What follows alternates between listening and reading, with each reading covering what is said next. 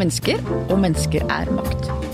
Børs eller katedral, hvor ligger makten egentlig, og hvor bør den ligge? Børsdirektør Bente Landsnes, velkommen hit. Takk. Du er en av de kvinnelige toppsjefene som har uttalt deg kritisk til kjønnskvotering i styrene, og er klar på at du ikke vil kalle deg selv feminist. Hmm, her er nok vi to på kollisjonskurs. Det skal vi komme tilbake til. Aller først, reklame. Jeg hører på lydbok når jeg ligger på stranda i Sydney. Det er 38 varmegrader og hetebølge. Og da hører jeg på Roy Jacobsens Hvitt hav. Det er veldig mye roing og sløying av torsk. Og frosne koldbrannfingre.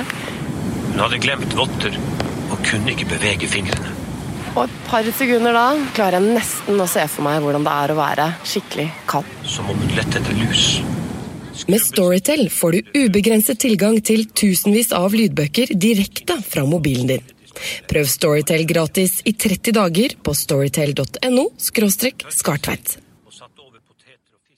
Bente Landsnes, direktør ved Oslo Børs, fortell på enklest mulig vis hvorfor det er viktig å ha en børs i Norge. Det aller viktigste er eh, for å skape kapital, være med på å bidra til at norske bedrifter får kapital. Og hvordan som skjer igjen, Jo, men det som er det viktige med det, er at da skaper de arbeidsplasser. Og hvordan skjer det sånn rent praktisk? Altså, jeg har kjørt forbi børsen fra jeg var liten jente eh, nede i Oslo, og det har vært en litt sånn mystisk institusjon. Men hva er det egentlig som skjer der inne? Det er ikke så veldig mystisk, eh, men vi, eh, vi er på mange måter hjertet i det jeg kan kalle for risikokapitalmarkedet. Altså hvis du ikke, ikke får penger fra bank, så får du penger fra investorer. Eh, Og børsen er der for oss å være med på å sitte imellom investorene og de som låner pengene, enten med aksjene sine eller med lån. Så vi, vi er med på å regulere, kan du si, og er med på å skape en tillit til begge parter. Og børsen er nå snart 200 år. Og Hva er den største forandringen i løpet av den perioden, og når var liksom det store tidsskillet? Ah, det er jo, Vi holder på å skrive børsens historie nå, ikke sant? Eh, Du vet Når en bedrift har levd i nesten 200 år, så har den jo vært gjennom utrolig store forandringer og perioder. Så, så jeg tror kanskje det viktigste å si er at uh, Oslo Børs har klart å stå igjennom alle de forandringene. Så det betyr at børsen har utviklet seg hele tiden, i takt med samfunnet rundt seg og de behovene som norsk næringsliv har. Og det er en klokke i børsen som viser vindretningen. Hvorfor det? Det er helt fra gammelt av. Når vi startet, så var vi jo varebørs. Eh, Og den gangen så kom alle varene inn til Kristiania med seilskip. Sånn at når de sto på børsen og skulle handle varene sine, så så de jo opp på klokken på vindretningen, fordi hvis det var fralandsvind, så kunne de holde prisen oppe. Ja, For da kom det få båter inn? Da kom det få båter inn, Og lite varer? og var det pålandsvind, så var det bare å få ned prisen raskt og bli kvitt varene sine. Så Dette var virkelig markedsregulatoren, den klokka. Ja, det må man trygt si. Og jeg innbiller meg at mange tror at Oslo Børs er en offentlig institusjon. Men det er det jo slett ikke. Hvem er det som eier Oslo Børs? Ja, har, I dag så har vi eh, sånn 700-800 eiere. Eh, vi har jo vi har en aksje. Altså det er jo, vi har et holdingselskap da, som eier Oslo Børs. eh, Og Verdipapirsentralen. Og, og der ligger det en aksje. Og den er eh, i dag eid sånn ca. 60% av norske investorer. Både institusjonelle og private. Eh, Og vi har mange ansatte med på eiersiden også. Så jeg kunne i prinsippet kjøpt meg i Oslo Børs. Ja, Nå kan jeg ikke det med jobben min, men jeg kunne det hvis jeg hadde ønska å vært fri og kunne kjøpe aksjer. absolutt. Kan kjøpe aksjer i dag.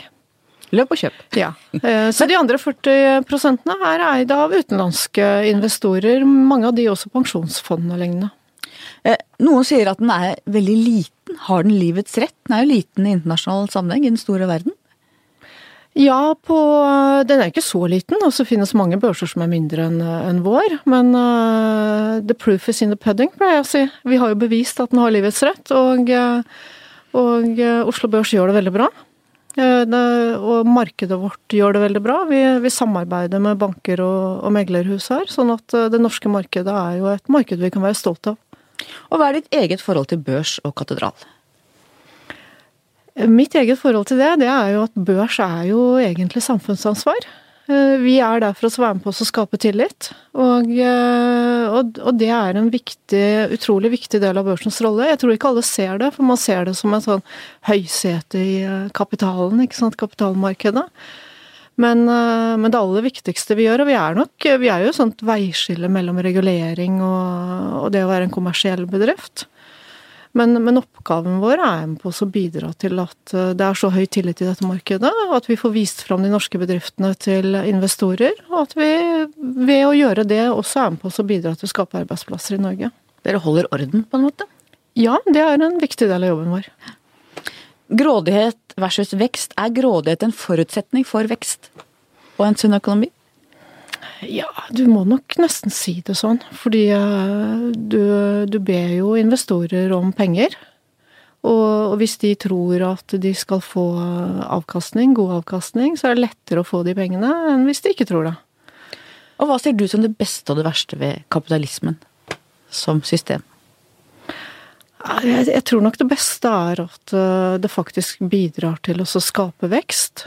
Um, men kapitalismen har også noen nedsider, derfor er det viktig med regulering. Fordi det er som du nevnte ordet i sted, grådighet. Den kan trekke mennesker for langt. Sånn at det å ha en god regulering, eh, og det å holde orden og opprettholde tillit, er kanskje det aller viktigste. Er det litt sånn som det samme som noen sier om demokrati? At demokrati er det minst dårlige av ordninger som egentlig ikke fungerer? At kapitalismen er Alternativene er jo fryktelig dårlige. Det er jo det. Altså, mitt utgangspunkt er at ingenting er perfekt. Uh, og, og, da må du prøve å balansere det ut, ikke sant? sånn at man kan leve med det på en god måte. Og det er det som er spennende i politikken nå. I hvilken grad skal du regulere økonomien og markedet? Og det er jo det som mm. kanskje er liksom store skillelinjer i, i politikk overalt. Ja, det er det, og det er jo, det er jo ingen lett oppgave. Altså, du, du, ser jo forskjellen mellom dette med detaljregulering og det med mer sånn holdningsskapende regulering. Eh, hvordan det kan slå ut. og Derfor sier ingen ingenting er perfekt. Alle har sine fordeler, og alle ting har sine ulemper. Og så er det det å prøve å skape det balansenivået imellom, da. Er det sant som noen sier at eh, problemet i dag eh, med økonomien ikke er fravær av penger, men fravær av ideer? Jeg tror det er nok penger. Ehm, det er nok penger hvis det er nok gode ideer. Det er vel egentlig det vi, vi ser. Er det nok gode ideer? Ja, det er mange gode ideer. Ehm, men det er jo mange ideer som ikke er gode. Men så er det nok også mange gode ideer som ikke, ikke pengene ser. Ehm, og der kommer gjerne børsen inn. Jeg, jeg, tror liksom utfordringen i, i, samfunnet vårt nå, både i Norge og i Europa, det, det, er jo at vi ser at det er de små bedriftene som skaper de nye arbeidsplassene. Men de små bedriftene, de trenger kapital. Og hvordan blir de da sett, og hvordan fanger man de gode ideene? For de har jo ikke store markedsføringsavdelinger eller folk Nei, de har ikke det. En børs er jo med på å skape synlighet. Um, men, men allikevel så må jo bedriftene være modne nok, da. Ideen må ha kommet langt nok når de kommer til oss. Og børsen er på et vis økonomiens temperaturmåler, altså med en ganske følsom en. Med selvforsterkende oppturer og depresjoner. Hvordan vil du beskrive forholdet mellom realøkonomien og aksjekursenes svingninger? Mm. Jeg vet ikke om det finnes noen god beskrivelse av det, men jeg, jeg tror det er riktig å si at uh, prisingen på børsen, det er jo hva investorene tror i det lange bildet. Så vi er jo tidlig, altså børsen vil ofte være tidlig varsel på hvor investorene tror at verden går. Og så er det jo faktisk sånn at, uh, at hvis alle er optimistiske, så blir verden bedre.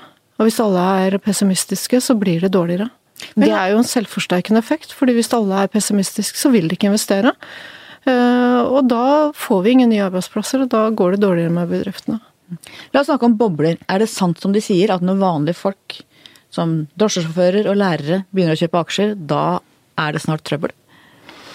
Jeg tror man historisk har kunnet si at det var riktig. I dag så tror jeg ikke det. Det er eh, Man ser at folk har lært seg å, å på en helt annen måte sparer jevnlig gjennom aksjer, enn å være sistemann inn. Er eh, jeg, tror det har vært skrevet så mye om det at eh, ja. Folk har lært? Ja, jeg er ganske sikker på at de har lært. Jeg, jeg, pleier å si at vi egentlig så har vi ganske lav kompetanse i Norge når vi gjør sånne målinger på, på dette med verdipapirmarked og, og hvordan man skal plassere penger. Men akkurat det tror jeg nok de fleste har lært. At eh, man, eh, hvis man sparer jevnlig, så er man der både når prisene er lave, og man er der når prisene er høye. Men nordmenn er jo særklasse når det gjelder å, å, sette pengene sine i fast eiendom, ikke så mye i aksjer. Er det et problem, tenker du? Ja, det er et problem. Jeg er helt enig. I VG argumenterer stadig for å øke eiendomsskatt og boligskatt, og på en måte gjøre det mer nøytralt. Jeg tror man må likestille de insentivene man har for sparing, Eh, I både verdipapirer, boliger, Bankkonto det styres jo av rentene, selvfølgelig. Men, øh, men det norske folket er jo, har jo altfor mye penger i eiendom. Jeg er helt enig. Mm. New York-børsen 1929, børskrakket, dotcom-boblen 2001, finanskrisen 2008. Kunne det vært unngått, eller er det nødvendige korrigeringer? I ettertid, altså alt øh, Jeg kan ikke si at alt kan vært unngått, fordi, øh, fordi børsene vil alltid korrigere. øh, På en større eller mindre måte. Og det er fordi investorer vil ta bort risiko, eller de tror noe annet om, om hvordan verden er videre framover. Man vil ta gevinst. Men som ofte så går man jo litt i flokk, da. Det, Og der er den selvforsterkende eh, tendensen opp eller ned, ikke sant? Ja, så, så hvis det kommer signaler på at eh, en stor økonomi f.eks. begynner å gå dårlig, eller veldig store bedrifter, bransjer, så er det en tendens til at veldig mange selger seg ut. Og, og i dagens verden så er nok, eh, er nok muligheten for forsterkning der, fordi det er veldig mye styres av datamaskiner. Eh, Og da er det lagt inn på forhånd eh, ordre om å selge hvis kursen går under det og det, og da forsterker man det, og da, kommer, da kan fallene bli dypere. eh, Men oppturen igjen kan bli raskere og høyere også. Maskinene går bananas, rett og slett. Jeg vil ikke si de går bananas, men, eh, men det er forhåndsprogrammert. Så man kan i utgangspunktet, hvis man har har litt god gjetning, forstå, forstå hvordan det skjer. Mm. Eh, Finansnæringen tar stadig større plass i den globale økonomien. Og det er også stadig vanskeligere å kontrollere. Hvis du ser liksom Glass-Steagall USA, som var liksom det som regulerte etter finanskrisa i 29.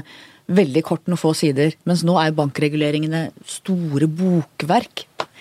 Hvordan havna vi her? Det er jo eh, Jeg tror vi havner der fordi eh, politikerne har et behov for å reparere. eh, Og sørge for at én hendelse som, ikke, som har skjedd, da, ikke skal skje igjen. Eh, Detaljregulering eh, Det er min oppfatning at detalj, detaljregulering er feil. Hadde vi vært bedre tjent med type eh, ansvarlig finans... Eller eh, mer sånn eh, større normer, da. Ansvarlighet, rimelighet, den type normbegreper snarere enn det veldig detaljerte. Ja, jeg tror det. Og så kan du, du kan sette inn enkle reguleringer i forhold til hvor mye kapital man skal ha, f.eks. Detaljregulering eh, medvirker, og det ser vi stadig vekk, til at noen prøver å lese mellom linjene og så se hvor åpningen er. Eh, Og det er lite heldig. Det ene er at vi bruker ekstremt mye ressurser på regulering. eh, På rapportering av regulering, så man bygger på en måte opp mange arbeidsplasser, selvfølgelig. Mye advokater og sånne folk. man bygger opp veldig mye, ja. Og, eh, og veldig mye av det man bygger opp, skaper ikke noe verdi. Eh, Det gir ikke noe verdi, og, det er så store mengder data i dag at, eh, at det er utrolig vanskelig på en måte å skal sitte og følge med det. Men går det an å skalere det tilbake, eller er vi litt stuck?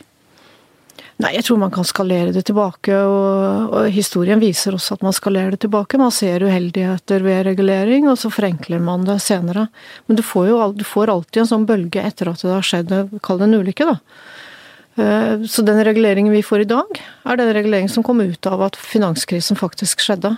Det er litt som generalen som planlegger for den forrige krigen. Jo, men nå sitter vi faktisk ti år etterpå eh, og implementerer regulering som er laget fordi at det var en finanskrise for ti år siden. Eh, Og, og det viktige da med å tenke gjennom dette her, er jo, er jo å se på rammene man ønsker å ha rundt finansnæringen. Og jeg tror finansnæringen skal reguleres, men jeg tror det må reguleres mye enklere. Det tror jeg faktisk du har veldig rett i.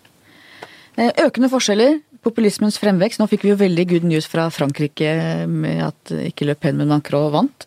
Likevel, stabiliteten i økonomien er jo en forutsetning for et stabilt samfunn. Er du bekymra for den utviklingen vi ser nå, med økende forskjeller, eh, mer arbeidsledighet, flere som faller utenfor? Ja, man må jo være bekymret. Altså, det er uh, vi, vi har jo sett uh, de uheldige virkningene, særlig i Sør-Europa. Det startet først, men det er klart at dette smitter jo til alle land. Og, vi ser i Norge også økende grad av unge mennesker da, som står utenfor arbeidslivet. Og, og alle rapporter viser jo at det blir vanskelig for de å komme inn i arbeidslivet på sikt.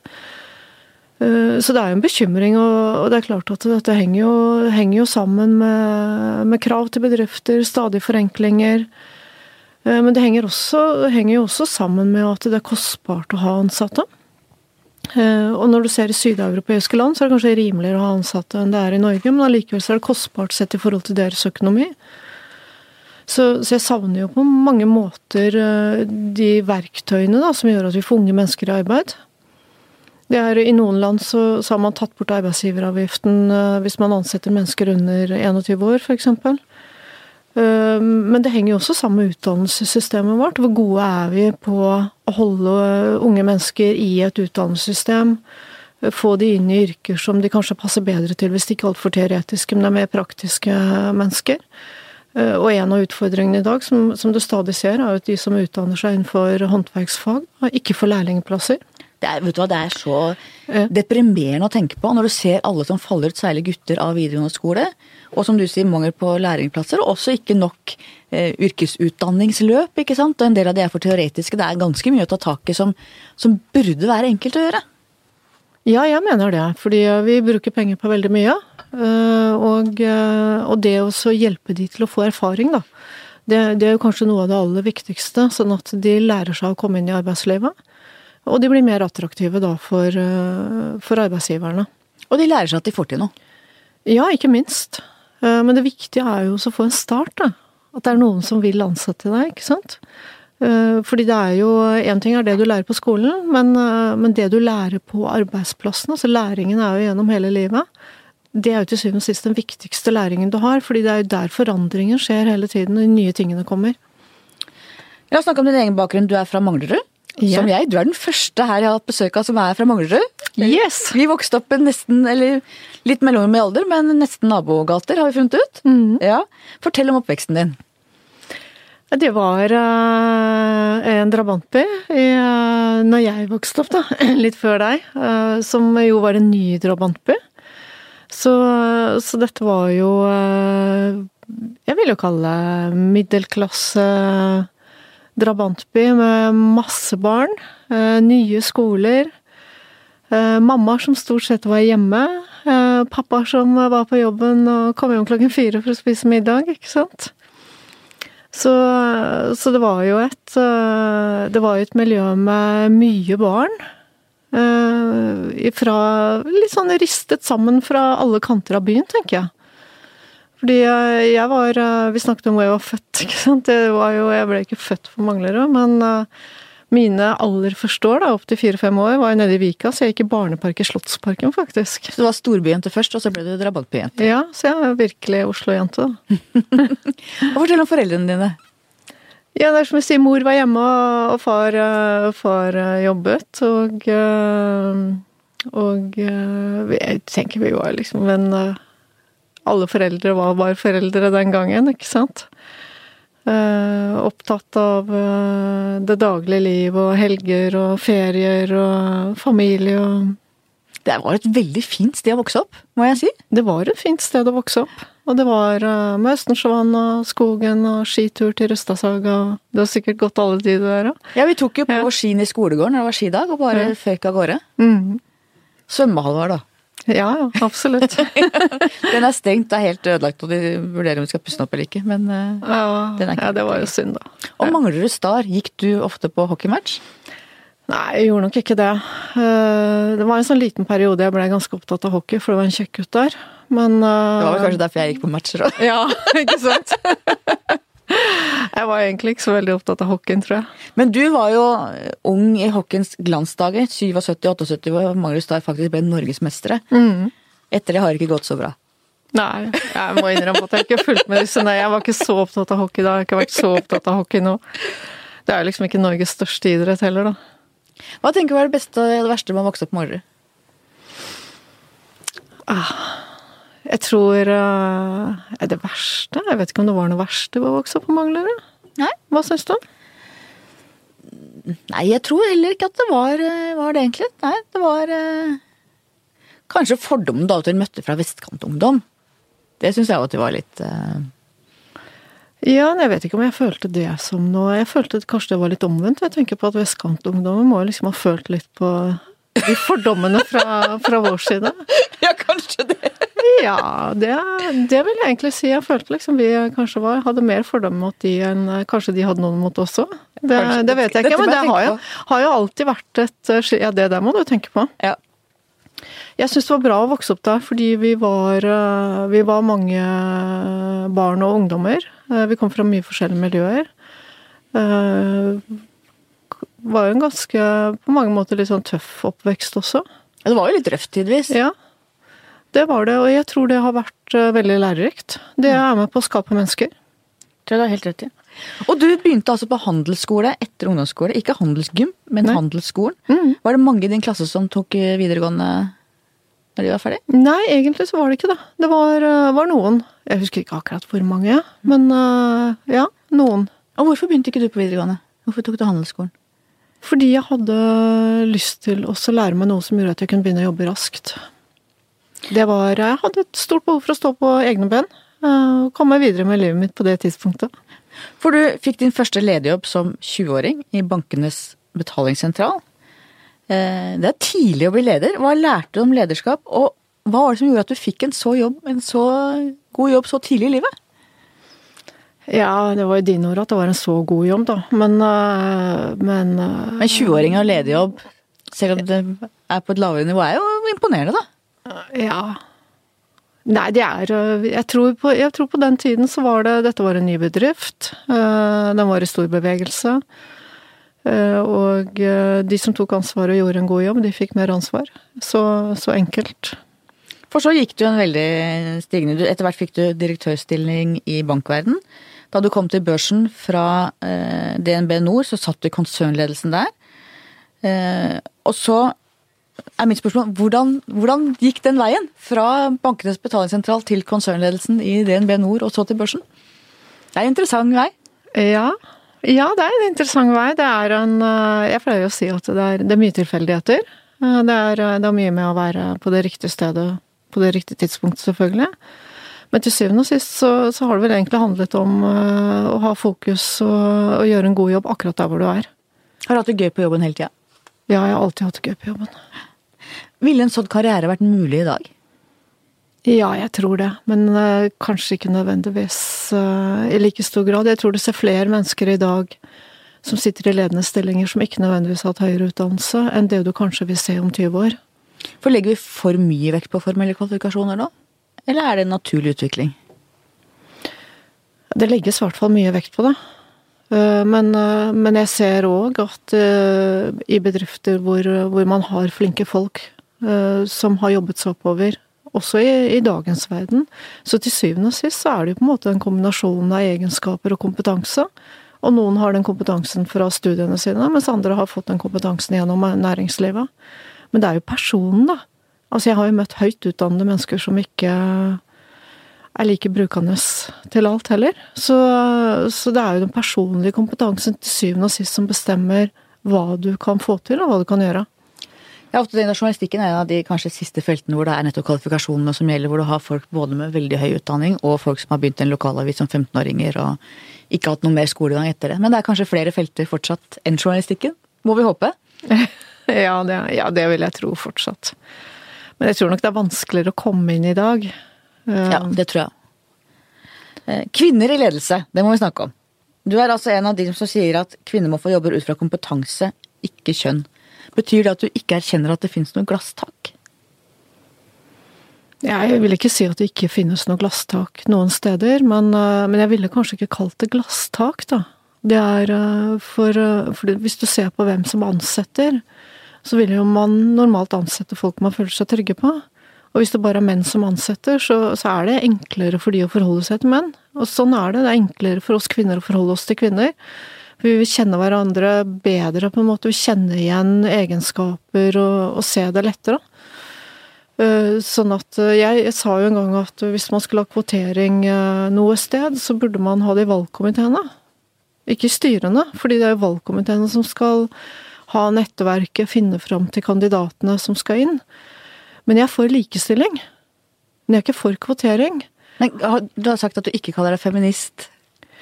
Nei, jeg, for jeg mener at det er riktig person, altså det er riktige personegenskaper som skal passe til riktig sted. Uh, og, og det er jo ikke sånn at vi, det skal være 50-50. altså Det er ikke sikkert at du klarer å få 50-50 rørleggere. Hvorfor skal du ha det, liksom? Hvor mange jenter er det som har lyst til å bli rørlegger? Det er, eh, det er noen yrker som tiltrekker seg mer kvinner enn menn, ikke sant? Eh, og det må jo ikke være negativt.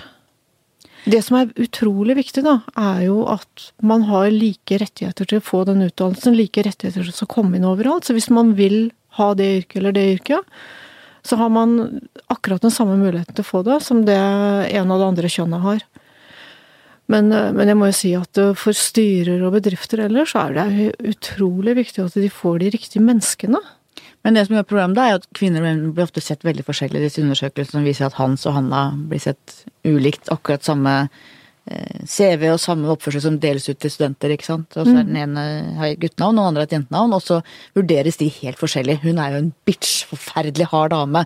Mens han er en Eh, sterk leder, og så er det helt samme beskrivelse. Det syns jeg er utrolig interessant, for det forteller mye om at, eh, at det er ikke like muligheter.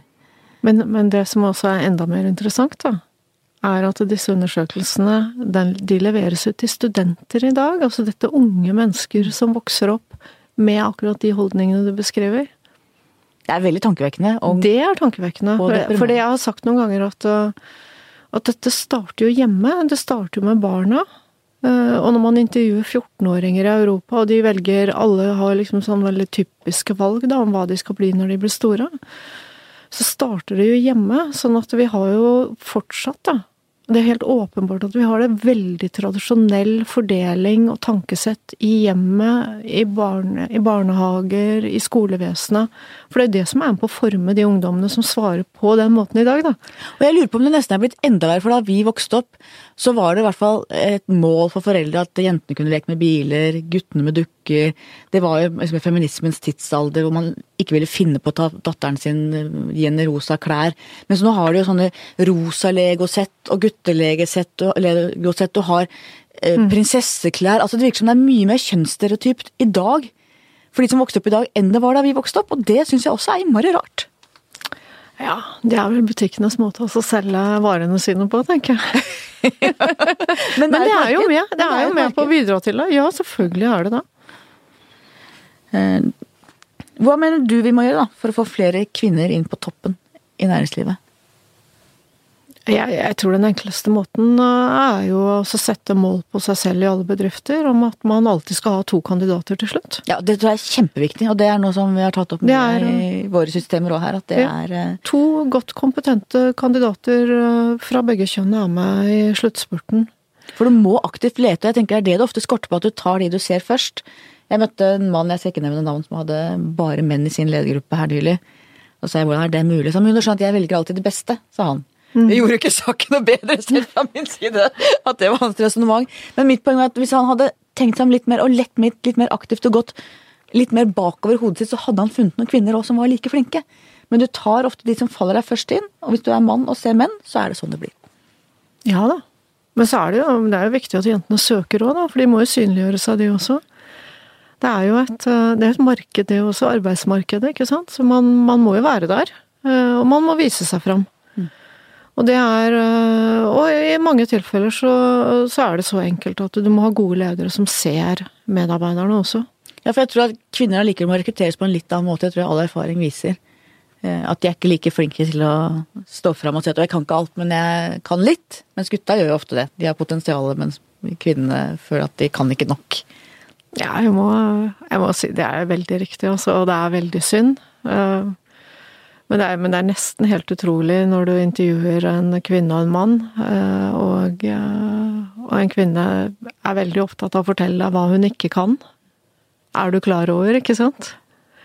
Så, så det, er, det, er, noe helt fra genene våre, tror jeg, som, som er med opp, da. Mm. Kanskje menn har for mye og kvinner har for lite selvtillit i den type situasjoner? Jeg vet ikke om det har med selvtillit å gjøre. Det er øh, Jo, selvfølgelig, det må jo ha litt med det må, jo ha, det må ha noe med selvtillit å gjøre, da. Noen kan selvfølgelig ha litt for mye av det, og, og noen litt for lite. Men, men, det er jo den måten å få det fram på, da. At man øh, For jeg, jeg syns jo at det tilhører ærlighet, da. Det å si hva man kan, og hva man ikke kan. Eh, men det man ikke kan, betyr jo ikke at man ikke kan lære det. Nei, ikke sant? Fordi alt er jo en læring, og uansett hvilken jobb du går inn i, eller hvor ung eller hvor gammel du er, så kan du jo ikke alt. Men da hadde du ikke Hvorfor tar du en ny jobb hvis du kan alt? Du tar jo en ny jobb fordi du ønsker også å være med på å utvikle deg selv også, ikke bare det stedet du kommer til. Så dette er sammensatt, i hvert fall. Det, Det er, veldig, det er veldig sammensatt, men, øh, men øh, jeg, jeg må si at jentene må ta seg selv litt i nakken nå. Altså. Ja, ok da. Ok, da. Ikke sant? Ja. Du kan mye om IT, digitalisering og teknologi. Og innen din egen bransje, børsen, blir det mer og mer egenhandel, algoritmestyrt. Er finansnæringens og børsens forretningsmodell truet? Nei, forretningsmodellen er ikke, er ikke truet, men det er klart det er konkurranse. Så, så det betyr jo at vi må være flinke med teknologi. Vi må, vi må forstå hva som gjør at man ønsker oss å være på Oslo Børs. Eh, Og det er liksom to sider av det med børs, da. Fordi eh, dette med selskapene og innhenting av kapital er det vi kaller førstehåndsmarkedet. Og så har du handelen som du kommer innom nå, som er annenhåndsmarkedet.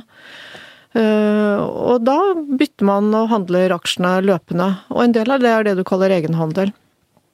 Noen sitter jo og handler hele dagen for å tjene penger på forskjellene mellom prisene fra morgenen og utover dagen. Mens, mens andre handler aksjer for å eie de lenge. Men teknologi er viktig. Den må være rask nok, den må være god nok, den må være oppe hele tiden. Vi er jo en av de bedriftene som, hvis det stopper hos oss, så kommer vi helt sikkert på Dagsrevyen den dagen. Har det skjedd ofte? Nei, det har ikke skjedd ofte. Det skjer ikke ofte. Bank i bordet. Eh, Men, eh, men det er viktig for oss å, å ha høy kvalitet der, at, slik at det fungerer godt. Så, så vi samarbeider med børsen i London om teknologi. Eh, De, har også et stort behov for å ha god teknologi, og da tenker vi at hvis det er bra nok for London, så er det bra nok for oss. Og du har sagt at det av og til er mer rasjonelt å ha en medarbeider som gjør en jobb, enn å rigge til et stort teknologisk system. Jeg hadde Eirik Kristoffersen her eh, tidligere. Han er eh, tidligere sjef for spesialstyrken i Forsvaret, og han sier at soldater er viktigere enn teknologi, selv om de to selvfølgelig henger sammen. Hvordan tenker du at vi kan balansere teknologi og mennesker og få det beste ut av begge? Nei, Balansen går jo på at man, man må tenke litt rasjonelt. Også fordi noen, noen tenker at teknologi skal løse alt. Eh, Men, men det er en del ting som vi gjør i samfunnet vårt. Det er også en del ting som vi gjør på børsen. Som, eh, som krever et menneskehode. Eh, Det er på den ene siden, men på den andre siden så er det ikke lønnsomt å gjøre det med teknologi heller. fordi det er kanskje ting som skjer veldig sjelden. Så det å lage et stort system for å gjøre noe som skjer veldig sjelden, det, da er det bedre å ha den kompetansen i, hos de ansatte. Så, så man må ta rasjonelle beslutninger, tenker jeg, i forhold til hva man bruker teknologi til, og hva man bruker mennesker til. Eh, Jeg hører akkurat nå på en podkast med Ezra Klein, som er sjefredaktør i det amerikanske nettstedet Vox, der han snakker med en forfatter som heter Cal Newport, forfatter og akademiker. Og Newport er opptatt av hvordan ny teknologi og sosiale medier distraherer oss, gjør oss dårligere egnet til å konsentrere oss over lengre tid, og hvordan den evige strømmen av informasjon ikke gjør oss mer effektive, tvert om er hans tese. Hva tenker du rundt disse spørsmålene? Jeg tror nok til dels han har rett. Eh, Men, eh, men du ser jo også at mennesker bruker det forskjellig, da. Men at du får, du får veldig mye informasjon, og du leser ikke dybden på det. Det er sikkert litt problem for det som er journalister, ikke sant? Man leser bare overskriftene. Eh, Jeg tror veldig mange går fra overskrift til overskrift, og hvor mye blir på en måte igjen? Hvordan kommer du i dybden? Når får du tid til å tenke? Er du i stand til å legge fra deg eh, mobiltelefonen din, ikke sant? Noen snakker om de lommene vi hadde før hvor du tok trikken hjem et kvarter og så litt tomt ut av vinduet. Altså de, de øyeblikkene hvor du prosesserer og, og fordøyer informasjon og det som har skjedd av stort og smått gjennom en dag. Det blir jo færre og færre sånne lommer i livene til mange av oss òg. Ja, jeg tror hvis du ser på trikken i dag, så sitter jo alle med hodet nede i mobiltelefonen, ikke sant? Så jeg tror den, den lommen du har nå, det er ved å kjøre bil, for da kan du ikke sitte eh, Så du må, du må på en måte gjøre noe selv hvor du ikke kan, kan bruke mobiltelefon. Eller så må du ha en bevisst holdning til det, at du faktisk bruker tiden til noe annet. Ezra Klein fortalte at han nå hver dag setter av én time til å lese. Legger bort mobilen og leser en time i en bok som er litt vanskelig bare for å eh, trene hodet. For at han er redd for å miste den der eh, lengre konsentrasjonen. Da. Det synes jeg er interessant, for han lever jo som journalister veldig i det fluffy og kjappe, da. Ja. Nei, det, er nok, det er nok viktig det også å holde på den egenskapen om å være konsentrert, da. Å kunne konsentrere seg om noe. Det er um, Hvordan tror du vi vil se på denne perioden? Vil våre etterkommere si at vi gjorde noe smart? Vil det si at vi bomma? Hvor var vi gode, hvor var vi dårlige, tror du? Jeg tror hvis våre etterkommere ser på, så vil de nok sammenligne oss kanskje litt med Romerriket. Vi faller. Nei, jeg vet ikke om vi, vi kommer til å falle, men, uh, men, vi blir jo på mange måter ganske overfladiske, ikke sant. Vi har samfunnet vårt, vi har rike samfunn, da. Stort sett. Vi snakker jo om mange som faller utenom. Men, uh, men overall så har vi ganske rike samfunn. De blir ofte Sykdomstegnene ved rike samfunn er overfladiskhet. Man er ikke så opptatt av familiebåndene lenger. Og det er derfor jeg noen ganger sier at man kommer kanskje til å sammenligne oss med, med Romerriket. Det var litt deprimerende, kjente jeg. Ja. Nei, men vi er jo mennesker, ikke sant. Og vi er, tenker, hvis vi får bevisstheten da, rundt hva vi faktisk gjør, og hva, vi blir, hva er det som driver oss Altså, jeg har alltid vært opptatt av det om ja, Driver jeg selv, eller blir jeg drevet? Ja. Så, så, hvis man klarer liksom å skille mellom Er det min egen vilje, er det de tingene jeg gjør nå, er det jeg som styrer det, eller blir jeg styrt av hva, styrt av hva alle andre mener? Altså fordi du, du, ser mye mer sånn flokkmentalitet, ikke sant. Man skal mene det samme, og, og, hvis man ikke mener det samme, så må man stå på den andre siden. Polariseringen. Det, det blir mye polarisering, og, og, media tror jeg også er med på å forsterke det på mange måter. Eh, så, så det også Men det har kanskje med fokus igjen, da. Altså konsentrasjon, tenke gjennom, stå for egne meninger og, og styre den veien man vil ha videre. Bevare kjernen i seg selv, egentlig. Ja, for jeg, er egentlig ikke så veldig sånn pessimistisk, men, eh, men, man eh, Når du stiller det spørsmålet, da, så, så, ser du jo at det skjer ting i samfunnet vårt som er endringer som ikke nødvendigvis er positive. Eh, men er vi, er vi villige til å påvirke det? Det er jo spørsmålet. Er vi bevisste nok til at vi påvirker det? Og hvis vi gjør det, så klarer vi å snu akkurat det vi vil. Og hvordan tenker du at vi kan ta vare på uh, det norske velferdssamfunnet og det beste i samfunnet vårt i den utviklingen vi står midt oppi? Det er jo å bli mer opptatt av hverandre, da. Det er uh, fordi det er jo et, uh, det er et utrolig Det er et utrolig driv etter å eie ting og ha ting og, og ting, da. Mm. Ikke sant? VG hadde nylig en sak om noen som hadde rydda hjemmet sitt helt. Mm. Og hadde et sånt klesstativ hvor det var de klærne de brukte Eh, og de hadde brukt disse tre måneder som de hadde der, og bytta ut. Og jeg kjente, for jeg har altfor mange ting hjemme, jeg kjente jeg ble litt inspirert til å ok, kanskje bare kaste alt. Men jeg veit jeg kommer ikke til å gjøre det. Nei, jeg har altfor mange ting, jeg også. Men jeg, jeg, begynte for en tid tilbake da, med å si at uh, hver gang en ny ting kom inn, så skulle en ting ut. Klarer du det? Ja, nå klarer jeg det. Du gjør det, ja? Ja, ja. Men eh, det blir jo for trangt da, hvis du ikke gjør noe med det. ikke sant? Så du, på et eller annet tidspunkt så må jo alle ta den beslutningen, men om, eh, om du tar én ting hver gang Det er mye enklere å ta én ting hver gang enn å ta ut veldig mye samtidig, da. Ja. Men, eh, men en sånn der opprydning med store svarte sekker er jo, er jo på sin plass. Man bør det. Man bør det. Men det er jo, det er jo på en måte sånn Vi har et forbrukssamfunn fordi vi får ting altfor billig, ikke sant? Og da kjøper vi altfor mye. Ja, jeg ser det jo på mine egne skap og alt. Ikke bra. Nei. Du inviterer årlig til grillfest i Hagen. Hagen til børsen. Fortell om nabofesten, og om hvordan det begynte. Den, den, begynte vel egentlig fordi Kirkens Bymisjon eh, hadde lyst til å ha en fest. En sommerfest. Og eh, i sitt lokalmiljø.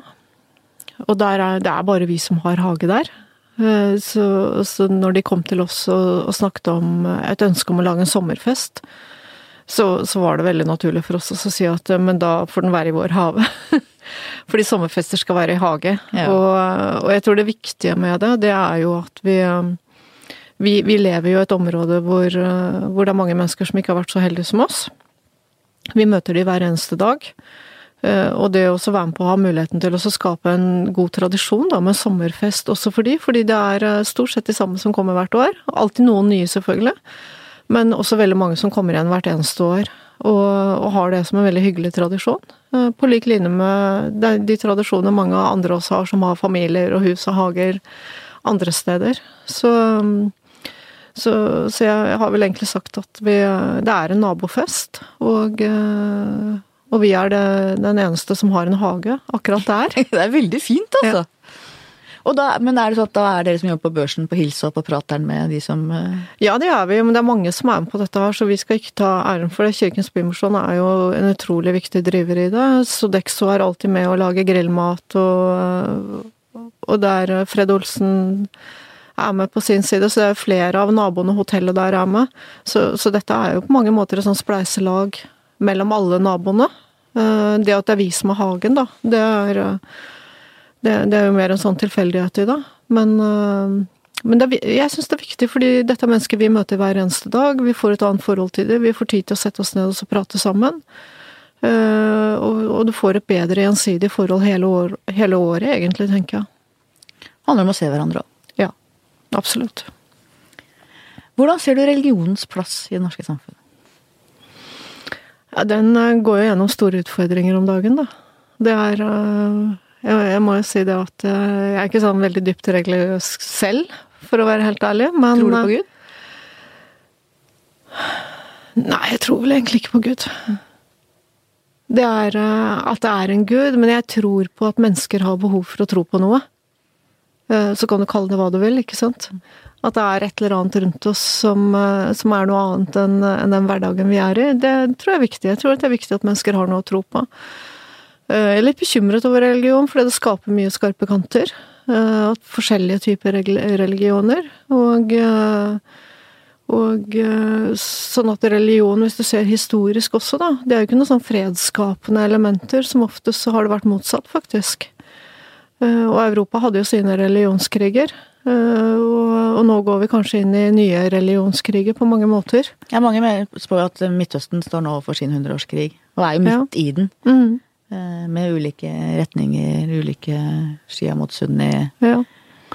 Og det er en bekymring, og, men, det, men det er klart at, eh, at religion den bidrar på mange måter å skape fanatisme I, i, all, på alle sider. Eh, Og det er derfor du får de store ulikhetene. Fordi hvis du, hvis du går helt ned til bunn, så tror man jo egentlig det samme. Man tror jo på en gud, ikke sant?